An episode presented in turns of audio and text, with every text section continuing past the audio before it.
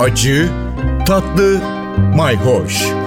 Yemek kültürü yazarı Aydın Öneytan'la bir tutam tarif, biraz da tarih. Merhabalar. Tarçının izinde daha doğrusu kokusunun peşinde dolanmaya devam ediyoruz. Evet tarçının böyle çekici bir özelliği var. Pek çok baharatla da birlikte yakışıyor. Şimdi defne ile olan uyumundan bahsetmiştik. Beklenmedik bir uyum.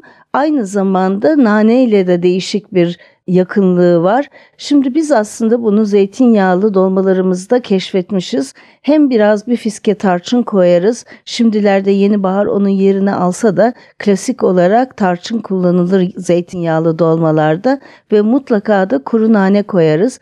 Nanenin o ferahlatıcı kokusuyla tarçının da böyle bir ferahlatıcı kokusu var ve birazcık da yakıcı bir kokusu var. Dolayısıyla birbirlerini dengeliyorlar.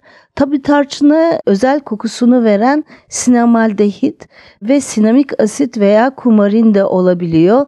Öcenol de var içinde. Bu da karanfilimsi bir koku veriyor. Zaten onun için de karanfille çok uyuşuyor. Dolayısıyla tarçın böyle hem ferahlatıcı hem yakıcı değişik bir özelliğe sahip. Gerçek tarçın dediğimiz Seylan tarçınının kabuğunu şöyle bir ağzınıza atarsanız inanılmaz da şekerli olduğunu göreceksiniz. Adeta gerçekten şekerli bir kabuk yiyor gibi bir lezzet veriyor. Çin tarçını dediğimiz kasyada bu özellik pek yok. Yani aynı şeker lezzetini vermiyor. Evet belki de bunun için tarçın hep şekerli lezzetlerle kullanılmış.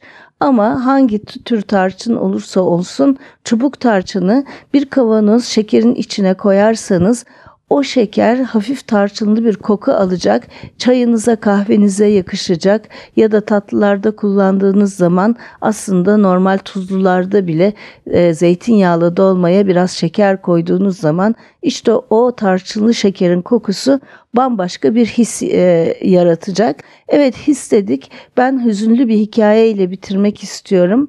Benim İngilizce yazılarımın amansızca takipçisi bir Hintli okurum var. O bir kitap yazmış. My name is Cinnamon, benim adım Tarçın diye. Çok acıklı bir hikaye. Evlat edinilmiş bir çocuğun hikayesi. Gerçek annesini babasını bulmak istiyor. Hatta çocuğun lakabı Sinnamon'muş. Yani tarçının latincesinden geliyor. Çünkü annesi babası her zaman her yemeğe tarçın koyarlarmış. İşte o tarçın kokusunun izinde gidiyor. Ama niye kokunun izinde gidiyor? Çünkü çocuğun aşır sendromu var. Yavaş yavaş duyma duyusunu ve gözlerini kaybedecek. Evet görme duyusunu kaybetmeden önce son bir kere gerçek biyolojik anne babasını görmek istiyor. Onun için tarçın kokusunun peşinde koşuyor.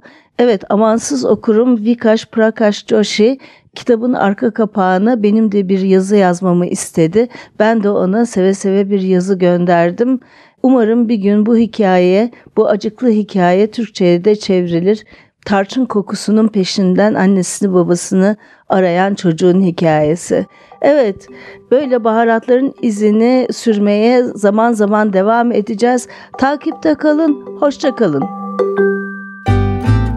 Bir tutam tarih, biraz da tarif.